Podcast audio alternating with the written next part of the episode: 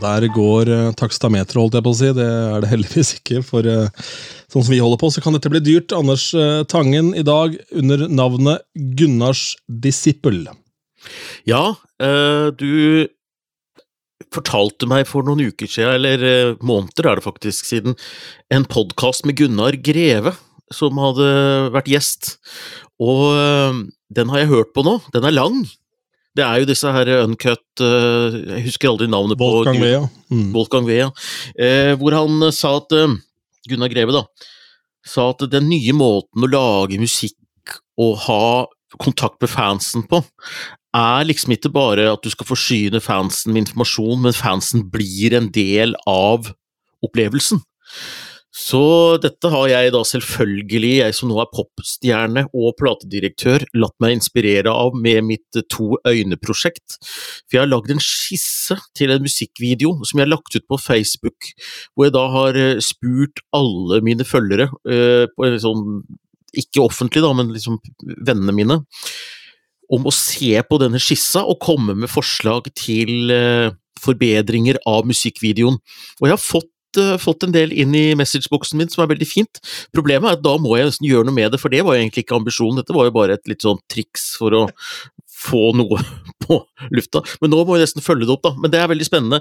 Men eh, jeg syns Gunnar Greve hadde et godt poeng der, fordi at det er ikke nok nå. For nå skal du bidra med ideer til ting, du skal bidra med remixer, og det å trekke publikum inn i musikkproduksjonen er visstnok det nye store, da. Så eh, jeg prøver å henge med her. Jeg tenker jo som følger at uh, disse Alan Walker-fansen heter jo da Walker nummer én, nummer to og nummer tre osv. Walker nummer én er jo Alan Walker selv. Uh, da er jo du I number one, og så blir det I number two, da, og så blir det jo en hel haug med øyne etter hvert. Selvfølgelig, og så kan du tenke da hvordan uh, kongens bil Hvilket bilskilt som står på kongens bil. Ja. A1, A2, A3. Ja, ikke sant. Det eneste jeg tenkte på, var den derre eh, Hva heter det? En sånn enøyd eh, variant? Er det sånn kyklop eller syklop eller noe sånt? Tror det heter det, ja. Ja, det er deg. Du er øye nummer én. Ja, ja, ja, sånn, ja. Jeg er I number one, ja. Jeg trodde du mente A, altså Anders. Nei, nei, nei. Nei, Det er jo nei, nei. det er to I, øyne her. ikke sant? To øyne, ja. Ei, ei. Ja, nettopp. Jeg var bare på navnet mitt, jeg, vet du. Fordi Ja, å, jeg skal, ja. gi, jeg skal gi ut så utrolig mye musikk, så jeg kan ikke være knytta opp til bare én låt. Nei, men jeg tenker at du kan skape deg på en måte et fundament her. Da, at du bygger det videre på øynegreia. Og så, eh, da Acon eh, var med på en hel haug med låter, så hadde han alltid liksom navnet på plateskapet sitt på starten av låta, Convict, som det het. da. Oh, ja. Så kan du ha en sånn greie som bare noen hvisker litt sånn ice i bakgrunnen. Ja, ja. Jo, men det kan bli fint, det. Ellers så har jeg jo tenkt at det er mange ting som er to av. eh, Altså to føtter, to armer, to hender, to ører, én nese. Ja. Det er eh, bare å begynne. Forhåpentligvis to brilleglass og sånn er ålreit. da. Det hender. Kommer til å bli så bra, det. Kommer til å bli så bra. Ellers er dette bra. Hva, det store som har skjedd meg i dag, egentlig, det er eh, at jeg har byttet merke på deodorant. Jeg prøver noe nytt. Oi, har du Eh, svir under arma, eller går det bra? Nei da, jeg har ikke prøvd den ennå, men jeg bare har gått nå for Doktor Greve. Jeg har eh, satt den her. Skulle ha den med på badet, glemte den. Uh, satt den her. For uh, den var 20 kroner billigere enn den jeg pleide å bruke. eh, og så tenker jeg, hvor gærlig får det blitt? Jeg har god erfaring med Doktor Greve fra tidligere. Han har oppført seg pent. Ja, Doktor Greve er jo veldig bra på intimsåpe, i hvert fall. Så det er jo Det som er av hårvekst under armene, kan jo minne litt, så det går sikkert bra, det. Doktor apropos Greve. Gunnar, eh, Ja. så hørte jeg podkasten Bærum og Beyer snakker om greier, eh, hvor de skulle snakke om Gunnar Greve. Hvor Lars Berrum, Oi. selvfølgelig, som sliter litt med å plassere ord og sånn, klarer å si doktor Greve. Ja, det Så. kan leve godt med det. Eh, Nei, det, det, dette med deodorant, jeg måtte bare si dette med svir under armene, for jeg har også kjøpt en annen deodorant enn jeg bruker før, for jeg må bruke den Cosmica fra apoteket, som er veldig mild. Det er den huden min er vant til, så nå prøvde jeg en sånn type eh, jeg husker ikke merket, det er ikke noe kjent merke, men som er eh, sannsynligvis litt sterkere. da. Så det svir og klør noe så fryktelig under armene, i hvert fall mer enn normalt, og så glemmer jeg alltid å kjøpe ny. For jeg tenker at jeg har jo deodorant, og det er jo i og for seg riktig. Så jeg gleder meg til den er tom, da, at jeg må kjøpe ny. Men eh, vi får se. Det er jo mye man skal gå rundt og være bekymra over i disse dager. Og Det er ikke noe særlig at det svir på en måte under armene, for det tar fokuset bort fra de tingene du holder på med. Altså, alt sånn tull er jo Hvis du har en flis altså, i fingrene eller en sånn rift eh, et eller annet sted her, eller, mm. eller det svir her eller klør der, eller et eller annet, så er det jo helt umulig å få gjort noe som helst. Og Jeg kommer til å tenke på en historie fra tidligere, tidligere teknisk sjef i Radiometro, da han jobbet i, eh, i Radio Norge, eller Bauer. da så um, skulle han uh, besøke en leverandør sammen med avdelingen der i Nederland. og Så forsov han seg, så han måtte bare løpe på badet og bare feie over sine edlere deler med uh, noen våtservietter og sånn og komme seg av gårde. Det Bernhard uh, gjorde, var at han tok feil serviett, så han tok jo da den Domestos til å vaske dass med. Så han hadde jo rett og slett nei, nei. kjørt uh, full uh, nuking av uh, ballen, kan du si. Så nei, han begynner å klø ganske intenst, og må da til legen i Amsterdam for å få sjekka utstyret sitt. Så ut som en nynappa kalkun på julaften. Det var ikke bra i det hele tatt. Huff. Det, det, er så fælt, det. Det er uh, aldeles grusomt. Det er nesten som å skulle vaske seg nedentil med vodemekum. ja, ja, ja, det er sant. Men det andre store som har skjedd i livet mitt i dag, det er at jeg har uh, gravd fram den her fra glemselen.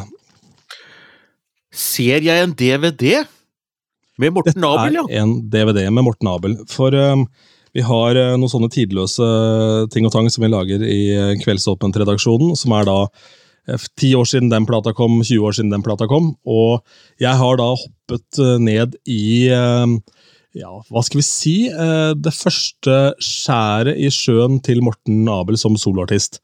For dette er jo da plata han på en måte i gåstegn feila med. For enhver annen artist hadde dette vært et strålende utgangspunkt for et album. Men han var jo, ved siden av Kurt Nilsen, som akkurat har vunnet Idol i 2003, den største popstjernen på kloden og hadde solgt eh, nesten en halv million skiver. Eh, og det kunne ikke gått annet enn galt. Og førstesingelen var jo den der berømte Birmingham Ho fra denne plata her, da. 'Being Everything, Knowing Nothing'. Men uh, det fantes uh, litt sånn lite bakgrunnsmateriale, og så kom jeg over at uh, jeg hadde denne DVD-en her i hylla mi. Jeg har aldri sett på den. Jeg har kjøpt den for 79 kroner på Rema 1000, tror jeg. Uh, og Her er det rett og slett en bakomfilm fra da produksjonen av den plata. Så jeg har hentet fram min gamle sånn, uh, eksterne DVD-spiller som du plugger i, i USB-en. Prøvd å få det til å fungere på NRK-maskinen. Den brannmuren ville ikke laste ned noe som For det er, ikke noe, er ikke noe program på datamaskinen i dag som spiller av DVD, for det driver vi ikke med. Så jeg måtte da rett og slett ta, ta med bryderiet med å da gjøre dette på hjemme-PC-en min. Se gjennom det her, ta det opp gjennom et lydkort. Altså, jeg Altfor mye tid har jeg brukt på den dumme greia her. Men uh, det er nå så. Istedenfor å bare kjøpe meg et abonnement på TV2 Sumo og så bare stjele, fra, stjele 40 sekunder på sitatrett fra hver gang vi møtes, kunne jeg gjort det. Du har det med å synke ned i sånne tidshull for tida? Jo, men da fikk jeg jo sett den DVD-en, så da føler jeg at jeg har eh, på en måte eh, gjort det også. Så kan jo ingen ta meg på at jeg ikke har gjort grundig research eh, på de fire minuttene som ender opp med å bli den saken. Nei da, det kan du si. Jeg har også en DVD-spiller, og jeg kjøpte den nyeste, liksom kuleste, det er til og med Blu-ray, vet du, sånn at det skal være ordentlig kvalitet, og den virker ikke, så det er litt irriterende. Men det hadde vært gøy, jeg har jo litt DVD-er, da. Ville f.eks. gjerne ha sett Ivo Caprinos uh, 'Askeladden og de gode hjelperne', f.eks. Ja, ikke sant? På DVD. Den er jo helt uh, nydelig. Uh, er, den tåler faktisk tidens tann nå, både den og Flåklypa. Ja, ja. Det er ikke dumt. Det gjorde jo, by the way, det deilige kjøret vi havna på sist òg, med Urban og, og co. ja! Piker, vin og sang, ja. ja. På et eller annet merkelig vis tålte det også tidens tann. Ja, eller det tålte ikke datidens tann, men det tåler egentlig nåtidas tann bedre, på en måte. Eh, Fordi nå ja, nå blir det, Man har en sånn distansetid nå som gjør at man på en måte kan svelge det på et vis. Mm. Apropos distanse, skal vi eh, hoppe ned i det herrens året 1993, eller er det Ja, jeg syns vi skal gjøre det. Uh, eh, 1993 er en sånn personlig en veldig rar og veldig koselig årgang for meg, og som er omgitt med en slags vis bitt bitterhet, helt personlig. Og når jeg tenker tilbake på den opplevelsen jeg hadde eh, den 15. Eh, mai 1993, så skjønner jeg ikke hvordan det kunne bli sånn. Fordi var jeg så lite interessert i Eurovision at jeg greide å legge en transportetappe fra Gjøvik til Oslo akkurat den kvelden, for jeg husker akkurat hvor jeg var hen. Jeg satt i bilen min, en Opel Corsa tror jeg det var, eh, kjørte fra Hunndalen, der jeg er fra, hadde vært hos foreldrene mine og skulle kjøre hjem sånn at jeg kom hjem på kvelden, og da kjørte jeg altså mens det var Eurovision-finale. Det er jo helt utenkelig at jeg kunne gjort det nå, og jeg husker det var Leif Erik Forberg som var eh, kommentator, og jeg satt der, og at det gikk bra å kjøre den turen, det er merkelig, fordi det året der så leda jo Norge eh, på poengtavla en relativt god stund eh, i midtpartiet etter en tre-fire sånne av, stemmegivninger, så lå Norge på topp, og den blodpumpa mi som gikk da, og så ramla vi ned til femteplass, men, men og Leif Erik Forberg han var ikke forberedt på at dette her skulle gå så bra, eh, så han, eh, han ble også litt rar, jeg ble rar, alle ble rare rundt Silje Vige sin låt 'Alle mine tanker'. Og det som var så gøy, var at folk var også litt uforberedt til den publikumsresponsen, fordi det du hører midt i låta, er at publikum begynner å klappe veldig sånn taktfast. Og det er på grunn av en veldig påståelig, ivrig pappa, Bjørn Vige, som var med og skrev denne låta. Faren til Silje Vige, jeg tror han skrev hele låta, egentlig. Han som satte i gang denne applausen i Mill Street i Irland, og du, du, du hører det er, en som akkurat litt for lenge er aleine om å klappe takta, men så henger hele Mill Street seg på, da, så det blir faktisk veldig kult. Men han starta det, og jeg tenkte hva det kan gjøre med stemningen rundt en låt, at én gidder å sette i gang crowden, da. Og det er jo risikabelt. Og det er en takknemlig oppgave å være da i Irland, for jeg har hatt min beste konsertopplevelse i livet i Irland, i Dublin, på Fleetwood Mac, med den uh, klassiske hits-lineupen fra Rumors-tida. Uh, og det var altså så deilig, for der kunne irene De kunne alle låtene, og de sang med fra første vers uh, på The Chain, som åpna det hele. Og så hadde vi heldigvis kjøpt uh, altfor mye øl mot slutta, så vi hadde um, en del øl igjen vi måtte drikke opp før vi skulle ut av lokalet, for da kommer Christine McVie, uh, som da før hun endte opp med å gifte seg med Um, John McVie fra Fleetwood Mac het Kristin Perfect, så han har jo den gamle vitsen. She was perfect until she met me. Uh, den drar han på hver gig, uh, eller dro. Uh, nå er hun jo gått bort. men da kommer hun ut, og så gjør hun Songbird alene sånn åtte-ni minutter etter at alt annet er ferdig. Så bare skrur du på én spotlight ned på, ned på flygelet. Og det var gåsehud på steder du ikke visste det gikk an å få det. Ja, selv med sånn antibac-serviett. Antibac-serviett. Nei, jeg bare tenkte på han som vaska sine edle deler. Du snakket om gåsehud der de ikke trodde det gikk an å få gåsehud. Så snakket du om en som så ut som en kalkun nedentil. Det var derfor jeg bare prøvde å dra det videre. Men, men la nå det ligge, det er ikke veldig viktig for meg å bringe dette i havn. Jeg tenkte så lite på skrittet til Bernhard i det øyeblikket der, jeg, eh, Anders, at du ja. ville ikke tro det. Ja, men Jeg har ikke noe behov egentlig for å dra det inn dit igjen, egentlig. Men for å dra det tilbake til Irland, da. Dette her var jo, Finalen i 1993 var jo i Mill Street. Ja, Det er jo ikke et sted jeg kjenner til. Nei, og hvorfor skulle du det? Det er Nei, for, ingen... Ja, når du kommer til liksom Irland, byer i Irland, så er det sånn Det blir fort liksom Cork, og så har du Dublin, og så eh, har du jo da eh, noe ut på kysten der, da, ikke sant? Eller så er det ja, jeg kjenner ja, egentlig bare Dublin. Jeg kjenner nesten bare Dublin, og Limerick, selvfølgelig. Uh, men det er Nei, det var et sted som het Mill Street, og det var jo konkurranse om hvem som skulle få arrangere denne finalen der oppe også. Der var det en gæren ildsjel, da, som drev med hest og ridesenter oppe i Mill Street, som fant at vi kan vel ha Eurovision her på dette hestesenteret? Ja, det kan vi vel. Så øh, det fikk de til, mot ganske mange odds, og det ligger noen dokumentarer ute om dette her på, på nettet, øh, som man kan se. Jeg vet ikke akkurat hvor de finnes, men jeg har sett den. Øh, vi kan se om vi finner dem, kan legge den ut som en linke her. Men han gærningen der, altså, som fikk Eurovision til bitte lille Mill Street fordi dette skulle han få til, og jeg vet ikke hvor interessert han egentlig var i Eurovision, men det å bringe hele verden inn i denne lille, lille stedet tror jeg var veldig stort for han, og det var stort for Mill Street, og det var eh, stort for Irland. og Som du sier, at eh, de klapper og synger, og det var en veldig koselig finale. Alt var veldig lite, og det var veldig koselig og varm stemning. Og det var første året Bosnia var med. Jeg skal huske at det var krig i Jugoslavia, det var borgerkrig eh, i Jugoslavia mellom eh, Serbia og Bosnia, og Bosnia var jo med for første gang i 1993, og de måtte jo fly ut med Nato-styrker fra Sarajevo som var under beleiring.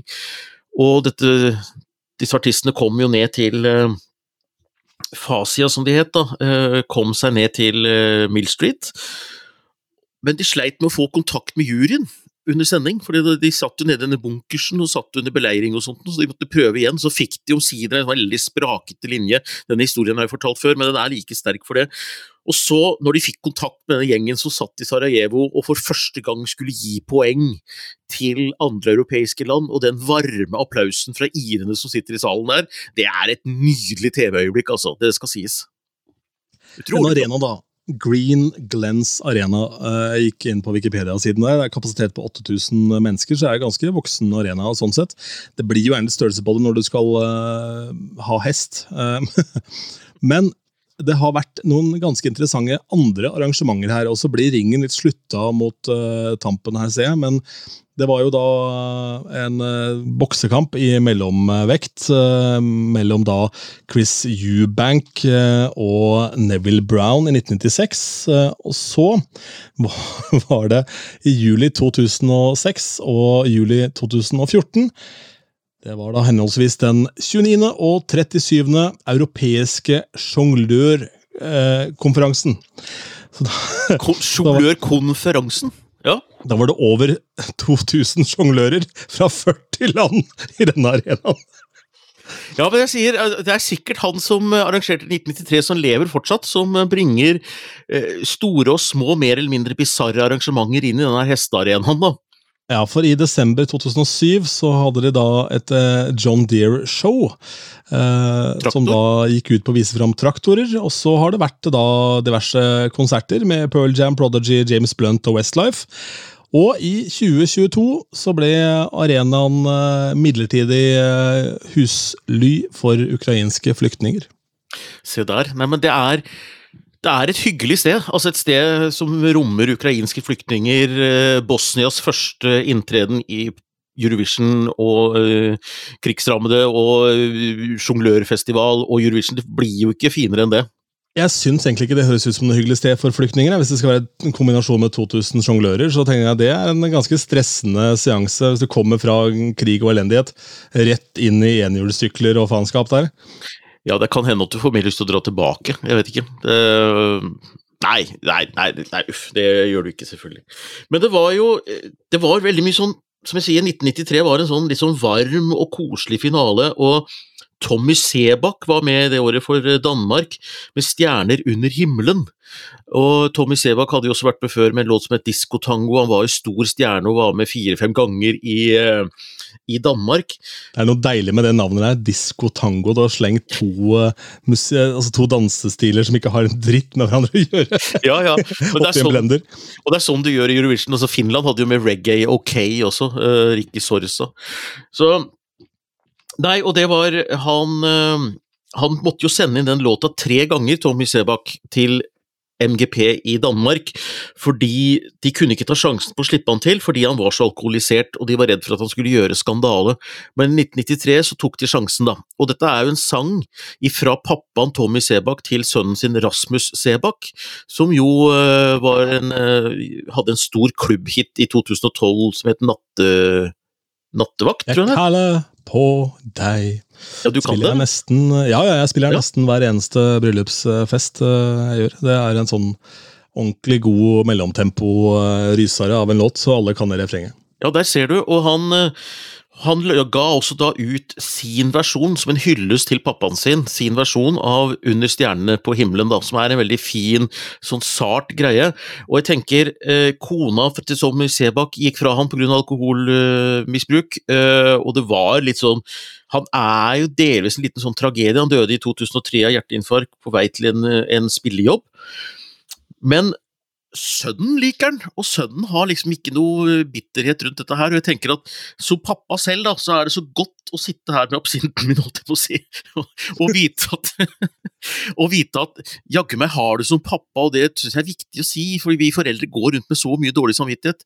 Vi har en ganske stor kvote å gå på hvis du bare har den gode intensjonen på plass da, med barnet ditt. Og jeg tenker at uh, det var så mye sånn pappakjærlighet i det rommet der med dette her, pluss den her gærne pappaen til Silje Vige, da, som var den første som reiser seg og setter i gang applausen til salen der. Så det er jo en sånn derre Det er noe deilig unorsk med det òg, at det er han som starter moroa der. Ja. Men uh, jeg samarbeider jo Eller jeg spiller jo en del for denne, denne pubkjeden Old Irish Pub, som er eh, dansk. Det er eid av dansker. De har kjøpt da eh, en pub i Irland som hadde det varemerket Old Irish Pub, og så har de da gjort det til en kjede over hele Europa. Jeg må bare si en ting om den puben der, at jeg var hadde pigga ut i forhold til det, for jeg liker ikke sånne kjedepuber. Jeg liker at de skal være autentiske. Men jeg syns faktisk at de pubene der har noe ved seg som er ganske autentisk, og jeg føler at jeg er på en pub som har vært der mye lenger enn den har vært. Ja, det er eh, da hva skal vi si, Det er en sånn blanding av autentisk og, og corporate. og på en måte, For det er veldig sånn velolja maskineri. Ting er på stell. liksom. Eh, det er aldri noe tvil om at de folka som jobber der, er, altså alt er i orden. og Det er ikke noe tull og fjas. og Det er sånn veldig, det er jo et gigantisk firma. Eh, og der har vi en sånn gruppe som heter Tull og fjas på, på dansk. Da, jeg husker ikke helt hva det er for noe. Men hvor man poster da sånn videoer av folk som synger med eller danser jenka, eller hva som skjer da. ikke sant? Og da, når det kommer til Rasmus Sebak, så er det jo da I Norge så er det jo kun Natteravn du kan spille, det eneste sangen folk kan. Men i Danmark så er det da en låt nummer to som heter Øde Ø. Oh ja. som, uh, som, er meget populær, da, visstnok. Som det er jævlig mye mas om sånn når klokka begynner å bikke ganske heftig. For Old Irish Pub i København før pandemien så var det ikke lås på døra på den puben. De vaska gulvet mens puben var åpen. Nå er det stengt fra seks til ni om morgenen. Uff da. Hvor gjør folk av seg da? Nei, Da skyfler vel ut i gata. da. Det er jo en Mækkern ved siden av, tror jeg. Så bare slenger den inn der. Men i hvert fall, så der kan du jo da risikere å stå og DJ, og så ramler inn noen som kanskje har vært godt i gassen i ganske mange timer. da, Og har behov for en øde ø når du driver egentlig og senker tempo og har tenkt å reise hjem snart. Så. Et lite hjertesukk fra meg om puber, det er jo at jeg mister jo to av mine favorittpuber i byen, fordi i Oslo rekker ikke ting å bli gammelt. Det pusses opp og blir til noe helt annet før det rekker å bli gammelt, og det blir jeg litt sånn frustrert over. Så nå forsvinner Burns og Paddis. To uh, veldig sånn genuine puber som du kan like eller mislike, men de har i hvert fall en personlighet. Og nå kommer det da en bokkafé i stedet, der Burns har ligget. Og som jeg sier at ja, ok, det er fint at Cappelen Dam skal ha vinbar og eggerøre og selge bøker, men det er på Burns bøkene skrives, selv om de ikke blir gitt ut. For der, der satt folk med notatbøkene sine, altså. Jeg tror vi har glemt litt den viktigheten av public house. Ja. Sånn, det er jo veldig lett å ugle seg i en pub fordi de selger alkohol, men uh, det er jo Jeg var på et foredrag med han som fram til uh, han uh, Bergland slo seg opp, var Norges mest populære fastlege. broren til Skavlan. Jørgen Skavlan. Jørgen Skavlan. og han sa det at de aller fleste som kommer inn på hans kontor, de vil ha en, uh, altså vil av to ting. og Det er da enten en diagnose, eller så vil de ha en resept. Ja. Men i veldig mange tilfeller så er det jeg egentlig har lyst til å skrive ut stikk og ta en pils med kompisen din. Ja, ikke sant? Og det er jo ikke sånn at det er å foretrekke åtte dager i uka og å sitte og drikke pils med kompisen din, men snakke ut om ting og på en måte gjøre det i omgivelser som fungerer. og En pub er laget for det. da, ikke sant? Er, I de gode britiske og irske pubene så er akustikken er riktig for at du skal kunne sitte og snakke med kompisen din på det bordet, og to bord bortafor. Så er det noen som har et sitt eget karaokeshow uten at det er noe problem. på en måte. Det er helt riktig, og sånn har jeg opplevd Paddis og delvis Burns. Burns, litt, Burns var litt slitent da natteskiftet kom, for da, da, da, var det veldig, veldig loppemarked, for å si det sånn. Men, men da gikk jeg av og til opp på Paddis og koste meg der. og der kunne jeg plutselig sitte og snakke med Anders Giæver fra VG. Eh, plutselig så var det noen andre som jeg egentlig ikke kjente så godt. Men du, du kom alltid i snakk med noen hvis du ville. Men jeg kunne også sitte aleine der med notatboka mi og se ned på eh, Stortingsgata eh, og liksom bare sitte og være der, da. Men uh, jeg får slutte å være ergerlig på det, fordi jeg syns jo det kommer jo nye steder. Sånn som du nevnte med Old uh, Irish Pub og ja, men, men, det er ikke det samme, da. For det er jo kjededrevet, så det, blir jo et maskineri, og enten så liker man eller så liker man det ikke. Det de gjør bra, er at de henter over irske musikere. De er, de er flinke på en måte til å levere underholdning. Du skjønner at de må at de må by på noe for at de skal gidde å komme. da. Og det er jo bare eh, ganske langt fram i skoa, bare det. Men akkurat den der gamle, gode puben som det fins bare én av, på en måte. Ja, Og som er eh. original. Burns spilte jo alltid klassisk musikk, ikke sant. Og der, eh, der jeg traff ESA-presidenten Einar Bull, satt jo der, og jeg hadde en lang prat med han om ESA. Det var der jeg satt og snakka med den tidligere utenriksministeren Utsi, som satt der, ikke sant. Og det, det, det er veldig sånn ting som en gang var, da. Men jeg tror vi som holder på, og som tror vi holder på, eh, og som er i ferd med å bli det som en gang var også, har godt av å snakke med de som var. Eh, at ikke alt skal være sånn framtidsretta, og hva skal vi få til nå, og eh, alt skal være så ungt, da. Så det Nei, så heia Burns, altså. Bildene som henger der, er til salgs. Det er nesten så jeg vurderer å dra dit og kjøpe et bilde, altså, fra Burns. I Lillestrøm så var det et aldeles eh, nydelig stykke arbeid som ble foretatt for eh, ja, kanskje ti år siden nå. Hvor uh, senteret Lillestrøm Torv hadde funnet ut at Macda, nei, Burger King var ikke riktig for vår profil. Vi kaster ut Burger King og sier opp deres avtale. Og så får vi inn da en sånn eh, sushisjappe med sånn transportbånd-sushi som det er på Gardermoen. Okay. Og det fungerte sånn helt midt på tre. Nå er det Burger King i de lokalene igjen. ja. Vi får se da hvordan det går med bokkafeen på Cappelen Dam. Altså, jeg er ikke motstander av bokkafeer, jeg syns det kan være koselig, men, men, jeg skulle ønske at vi kunne ha beholdt uh, at, at, noe kunne ha rukket å bli gammelt da, i, i, Norge. Men eh, ok, det er greit nok. Jeg var på en sånn bokkafé i Frankrike en gang. Det var blanding av, det var også en kattekafé. Det er det verste stedet jeg har vært på noen gang. Så, der, så det, det, lukta kattepiss, og jeg var så kvalm der. Og så skulle du kjøpe mat, og, det var sånne, og så fikk du så dårlig sånn croissant. da, Det var i Aix-en-Provence. Eh, og du så liksom at det var litt sånn kattehår på tallerkenen. Altså, det, det, det var så ekkelt, det. At det var eh, Jentungen koste seg, da. Men uh, vi får se. Ja, nei, det, det, er ingenting ved det der som jeg syns var noe ålreit, så det har ikke jeg lyst til å være. Det, det, var veldig rart også når man var i Tyskland, og så er det jo da steder hvor det er lov å røyke inne og sånn. Da har man blitt så vant til at ikke det er noe man driver med. Så går man inn, og så har man kanskje skal spise lunsj, da, så er det 25 minutter å gå. Skal man ta en pitstop og bare ta en øl på veien, og så må man på en måte skjære ut liksom, eh, en luke for å komme inn. Ja. Men vi var jo i 1993 her. Det er et par ting til ja, ja. som vi kan nevne. fra Absolutt. 1993. Hvordan gikk det til slutt med, eh, med vår jente? Ja, Vi endte på femteplass, og det, men det var bare ett poeng bak fjerdeplassen.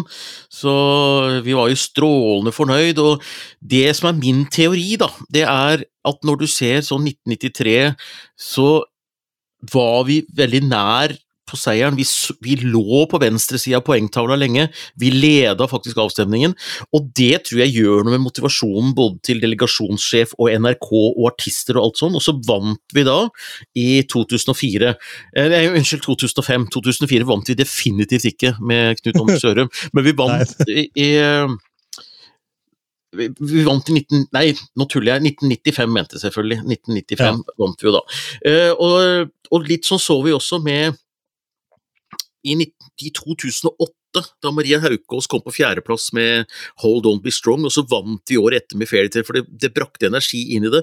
Og nå i år, 2003, kom vi også på en sånn femteplass, da, så jeg skulle ikke forundre meg om det har brakt en energi i det, for jeg ser jo Stig Karlsen er jo på speed om dagen, han drar jo rundt på sånne derre eh, låtskrivercamps sammen med Emilie, For, Emilie de Forest fra Danmark, og det er noe Jeg har ikke fulgt så nøye med akkurat hva det er, men det er et slags låtskrivermiljø i Sverige Sverige tror jeg, som heter Hydra, eh, eller noe sånt.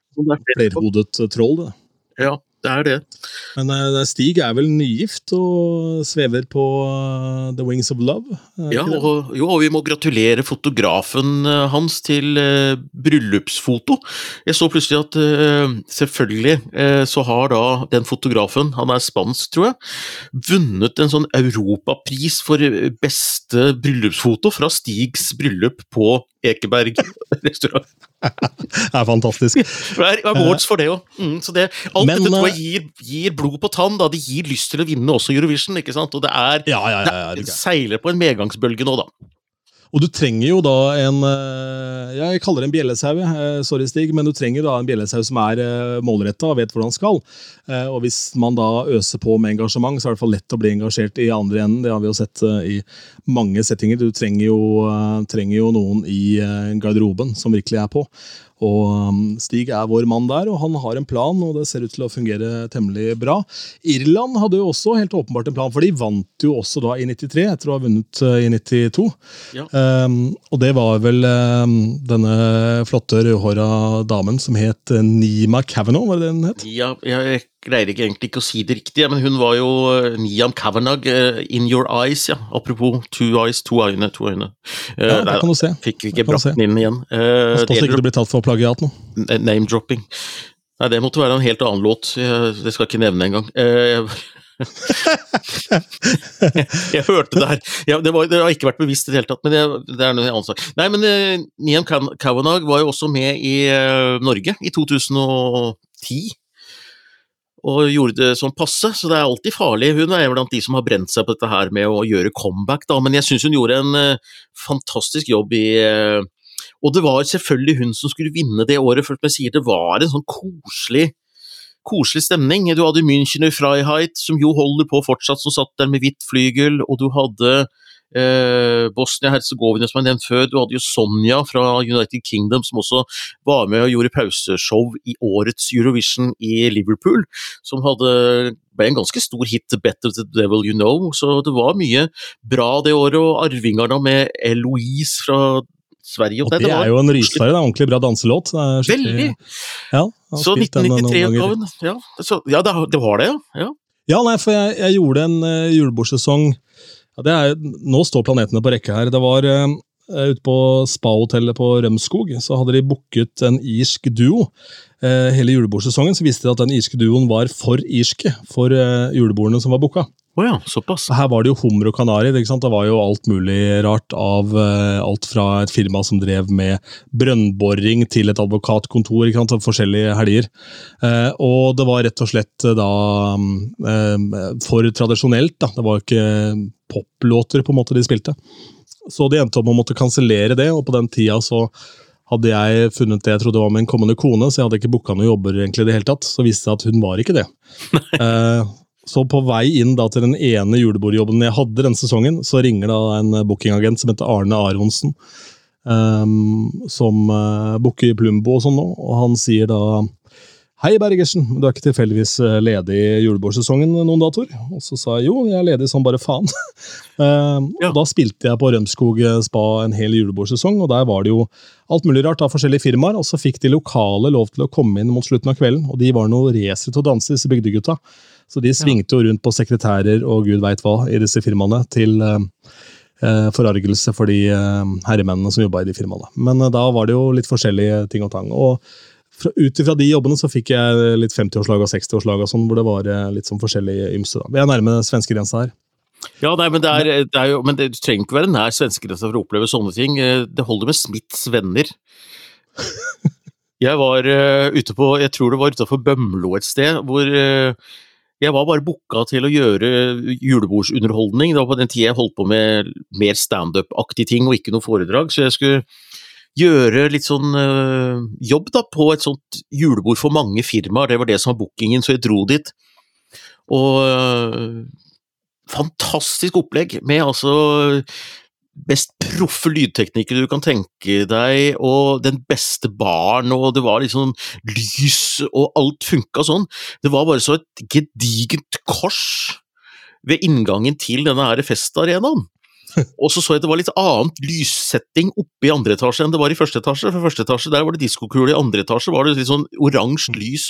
Så der skulle det være bønnemøte, mens vi hadde, mens vi hadde julebord i, rett inn der. Så altså, Han sa det når han kom og henta meg på båtkaia der, så sa han at uh, jeg skal kanskje bare fortelle deg at det er Smiths venner som driver dette konferansesenteret. Og vi eh, arrangerer julebord for å tjene penger, og vi har ikke noe imot noen ting, men, vi, men det er ikke noe vi liksom menger oss med da. Så, eh, men du har flinke folk til å vare på. Så der sto disse kristne folka og Smiths venner sto og skrudde lys og solgte øl i baren og holdt på for å tjene penger til å drive dette så det var pragmatisme på høyt nivå, da. Men det var uh, utrolig høy stemning, og der var det også masse lokale folk som kom for å danse. De vi fant en tekniker i Radio Metro vi, i den der eh, Visjon TV, eller hva det heter for noe i Drammen, som hadde der. Så det er masse flinke folk der. Men eh, ja, det hender jo man underholder gamle folk, men ikke så gamle som eh, hun Kavanaugh underholder nå om dagen. For hun har da rett og slett på sine eldre dager bestemt seg for å glede noen som er på slutten av livet, og hun er da og synger og underholder på gamlehjem i Irland. Ja, men så flott. Det er jo Skal ikke kimse av det. Ja, og Her er det da en uh, gruppe som da uh, holder da sånne type eventer som heter Music Speaks. Uh, og de som da blir underholdt, de mener at dette er bedre enn medisin, inkludert da en dame på 100 år som heter Peg Ryan, som er strålende fornøyd. For hun var da selv tradisjonell, sånn tradisjonell tradisjonell musiker, eh, irsk musiker, og eh, musikklærer da i, eh, i sine yngre dager. Så hun syntes det var helt strålende å bli underholdt. Ja, det er fantastisk. Jeg var jo motiverte Røde Kors eh, kommende ledere eh, på lørdag. Og skulle inspirere dem til å lede andre osv. Og, så og kom inn dit og hadde jo med meg power, eller sånn keynote, skulle ha bilder på skjerm, og jeg hadde med lydanlegg, for jeg skulle gjøre låta mi. To øyne, faktisk. Og da må du ha lydanlegg sånn at det er litt sånn klangmaskin og sånn. Jeg bar dette inn, ryggen min låste seg, så jeg ble jo liggende på kvelden, da. Men det er noe sånt. Men det, det, det, det, går bra, det må man tåle. Men det morsomme, eller det rare, var når jeg opplevde det igjen, og jeg opplever det ganske ofte, det er at jeg var ikke klar over at dette var et Teams-arrangement også, det var altså et hybridarrangement, for dette ble også streama til en del røde folk folk rundt omkring i landet. Og da blei det knotete å koble opp denne presentasjonen, og hvordan de skulle se den, fordi at uh, skjermen vi var ikke kobla til, så, så, var det så kort tid før jeg skulle på, så jeg sa at vet du hva, vi, jeg kjører uten slides, jeg kjører bare freestyle ute på gulvet her, og så og det blei så bra, og det har jeg opplevd noen ganger før, at det blir en annen type stemning. Så kom det en mot meg og sa at jeg skulle gjerne likt å se de slidesene du kan kjøre på med de greiene der, altså. så har du noen erfaring med det at noen ganger så streiker det du egentlig hadde tenkt, og så blir det faktisk egentlig på en måte bedre fordi det blir så veldig der og da, da. Uh, ja, jeg, eh, da jeg begynte å lage musikkquizer, så gjorde jeg det i feil rekkefølge. Jeg laget da quizen før jeg laget fasit. Det kan du ikke gjøre. Du må lage fasiten først, og så må du basere da, klippe sammen lydfilene basert på fasiten. Uh, så da endte det opp med at jeg ikke visste hvor mange sanger som var i musikkmiksen. Uh, så om det var da 29, eller om det var, nei, eller om det var 19 eller om det var 20 i lytteprøven. Og da ender du opp med at sant, det her sklir jo totalt ut, da, og ingen skjønner en dritt. Eh, og da koser jeg meg fælt, eh, for da blir man sånn stekt litt på eh, sånn lav varme. Ja. Og så er det jo da noen som blir provosert og syns dette er et shitshow. da, ikke sant? Og så tenker jeg jeg må bare gjøre det beste ut av det, så da beklager jeg da at det ble masse surr. Men dere kan ikke unngå å komme neste uke, i hvert fall hva, hva faen er det som skjer da? Ja, ja, ja. så nei, jeg liker for så vidt det litt når det er sånne ting som dukker opp, da. Men det betinger jo at du veit hva du snakker om og driver med i bånn. For hvis ikke du er forberedt og har en plan, så det er utrolig vondt, altså, når uh, Jeg har opplevd eh, at uh, at det som, som uh, ikke, altså Brudepar har kanskje preppa deg på én type fest, og så er det ikke den festen som Nei. gjestene vil ha. Uh, og Etter det så begynte jeg liksom å bore litt mer i uh, forlover og snakke litt med flere folk rundt dette. her da, Men man har opplevd at alt arbeidet man har gjort, må man bare hive på havet. Fordi det blir helt annerledes enn hva som var tenkt, da, og da er det deilig å ha en rutine å lene seg på. Jeg husker da man starta med dette, her, så var man jo livredd for at folk ikke dansa den første halvtimen av en kveld. ikke sant? Så Kasta alt bortsett fra kjøkkenvasken på det dansegulvet, og så hadde du ikke noen låter igjen når, når de var klare. Jeg stjal konfetti på Danvik Danevik folkehøgskole. Det var en annen jobb da, på fredagen før. Jeg skulle gjøre eh, show for eh, Drammen kommune, som drev med digitalisering og som programutvikling. Så da var jeg backstage på Danevik. Danevik er jo en folkehøyskole som utdanner folk innen media og sceneproduksjon og sånt noe. Så der lå det masse konfetti, brukt konfetti, sammen med noen hybelkaniner som så åpenbart var forsøk på å koste sammen med en kost, inni en haug backstage. Tenkte jeg, så jeg hadde god tid, så jeg satt på gulvet der som Askepott, som dro liksom sånne linser ut fra nøtter og aske. Så jeg satt der og dro ut sånne konfettigreier, og fikk en ganske anselig mengde gjenbrukskonfetti i lomma. Så idet jeg gikk ut på scenen, så hadde jeg faktisk gjenbrukskonfetti og kunne lage, kunne drysse da en slags liksom blanding av hybelkaniner og, og konfetti utover publikum. Da gnistret det, da. Det høres aldeles strålende ut, Anders. For, for et liv du lever. Det syns jeg er topp skal vi ta og bookende denne 1993-utgaven eh, for alvor. For det var det siste året, inntil neste år, at uh, Luxembourg var med i uh, Eurovision Song Contest. Nå er de altså klare for 2024. Har vi noe å frykte, Anders?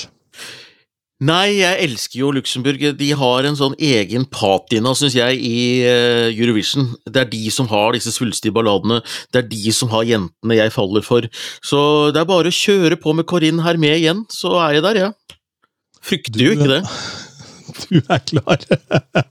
det er uh, aldeles Eller Ellers så må vi jo nevne før vi avslutter, for det skal vi gjøre nå, men det er på fredag så er det jo nyttårsaften i Eurovision-miljøet, for da er det 1. september. Og det er eh, da man kan begynne å melde låter offisielt på Eurovision. Og i år så er det også sånn i MGP, dette har vi nevnt før, at alle låtene som blir spilt her eller der etter fredag, kan være med i Eurovision. Altså, hvis det blir spilt første gang, da. Du kan jo ikke ta det med hvis de har blitt spilt før. Men låter som blir gitt ut etter uh, fredag, kan være med også i årets, eller neste års MGP. Ah, jeg syns det er så gøy. Jeg har sagt det før. Jeg synes Det er så gøy. Det blir kjempespennende. Det blir spennende å se hvilket utslag det gjør. Før eh, vi legger på røret helt her, så har jeg jo dykket ned i Morten Abel for alvor. Har han noen eh, link til Melodi Grand Prix? Nei, det har jeg ikke, dessverre. Nei, ikke noe oversikt over det. Eh, da kan jeg dra opp en annen enn hatten. Vi mista jo Eddie Scholler, en tidligere herremannen som var gift med Sissel. Har han hatt noe med danskenes uh... Ikke det jeg vet. Uh, What did you learn in school today? Uh, jo, kunne, jo, kunne, kunne, jo, vært en Eurovision, men de kan jo raskt gjøre et Google-søk her. MGP1. Ja, nei, altså, det måtte det vært, jo... Og ikke, ikke, noe internasjonalt, i hvert fall. Det måtte vært en annen Nei, for Sissel eh, hun slo jo gjennom da, i, da hun hadde pauseunderholdninga. Eh, så det er vel stort sett de sakene sikkert da, som dukker opp. Nei, det er bare, bare Nei, det står Opp av hatten her. Det, ja, vent, det skal vi se Nei, nei da. Nei da. Uh, du skal leite ganske langt ned. Jeg fant en annonse på finn.no, en som skulle selge plater med Grand Prix og Eddie Scholler. Så han har en gang ligget i samme boks, solgt på en Finn som har solgt noen vinylplater. Så på den måten har det en link, men ikke noe utover det. Er ikke verst. Det er ikke verst. Jeg driver for øvrig og selger denne mikrofonen her på Finn, ehm, så neste uke mest trolig en ny mikrofon. Ja, så bra. Ja. Jeg skal ikke oppgradere, jeg skal nedgradere, for jeg har funnet ut at den er for jålete for det tullet vi driver med her. Ja, da kanskje vi får lik eh, lyd, da. Vi eh, sier takk for uh, følget, vi, og så er vi klare med en helt ny eh, episode om en ukes tid.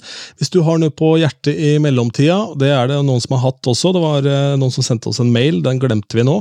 Men det var da noen som ønsket at jeg skulle fortelle min side av den gangen hvor jeg ble lurt av Ylvis. Uh, fikk vi på e-post. Uh, uh, og det skal jeg selvfølgelig gjøre, for det var en fornøyelig opplevelse. Og der er det litt behind the scenes som jeg ikke tror har dukket opp i offentligheten sånn for alvor. Så her er det det var nemlig ikke bare vi som måtte ta oss litt i nakkeskinnet da Ylvis var og lurte folk til å tro at Vegard Ylvisåker var Josh Groban. Innsalg, Bergersen. Innsalg. Oh yes. Oh yes. Um, vi um, er tilgjengelig via e-post. Hei at grandpripod.no. Da har jeg sagt til Tangen at han må huske da neste uke at vi tar tak i Ylvis. Da noterer vi det i våre papirer som ikke eksisterer, og så håper vi at det går bra. Ha det!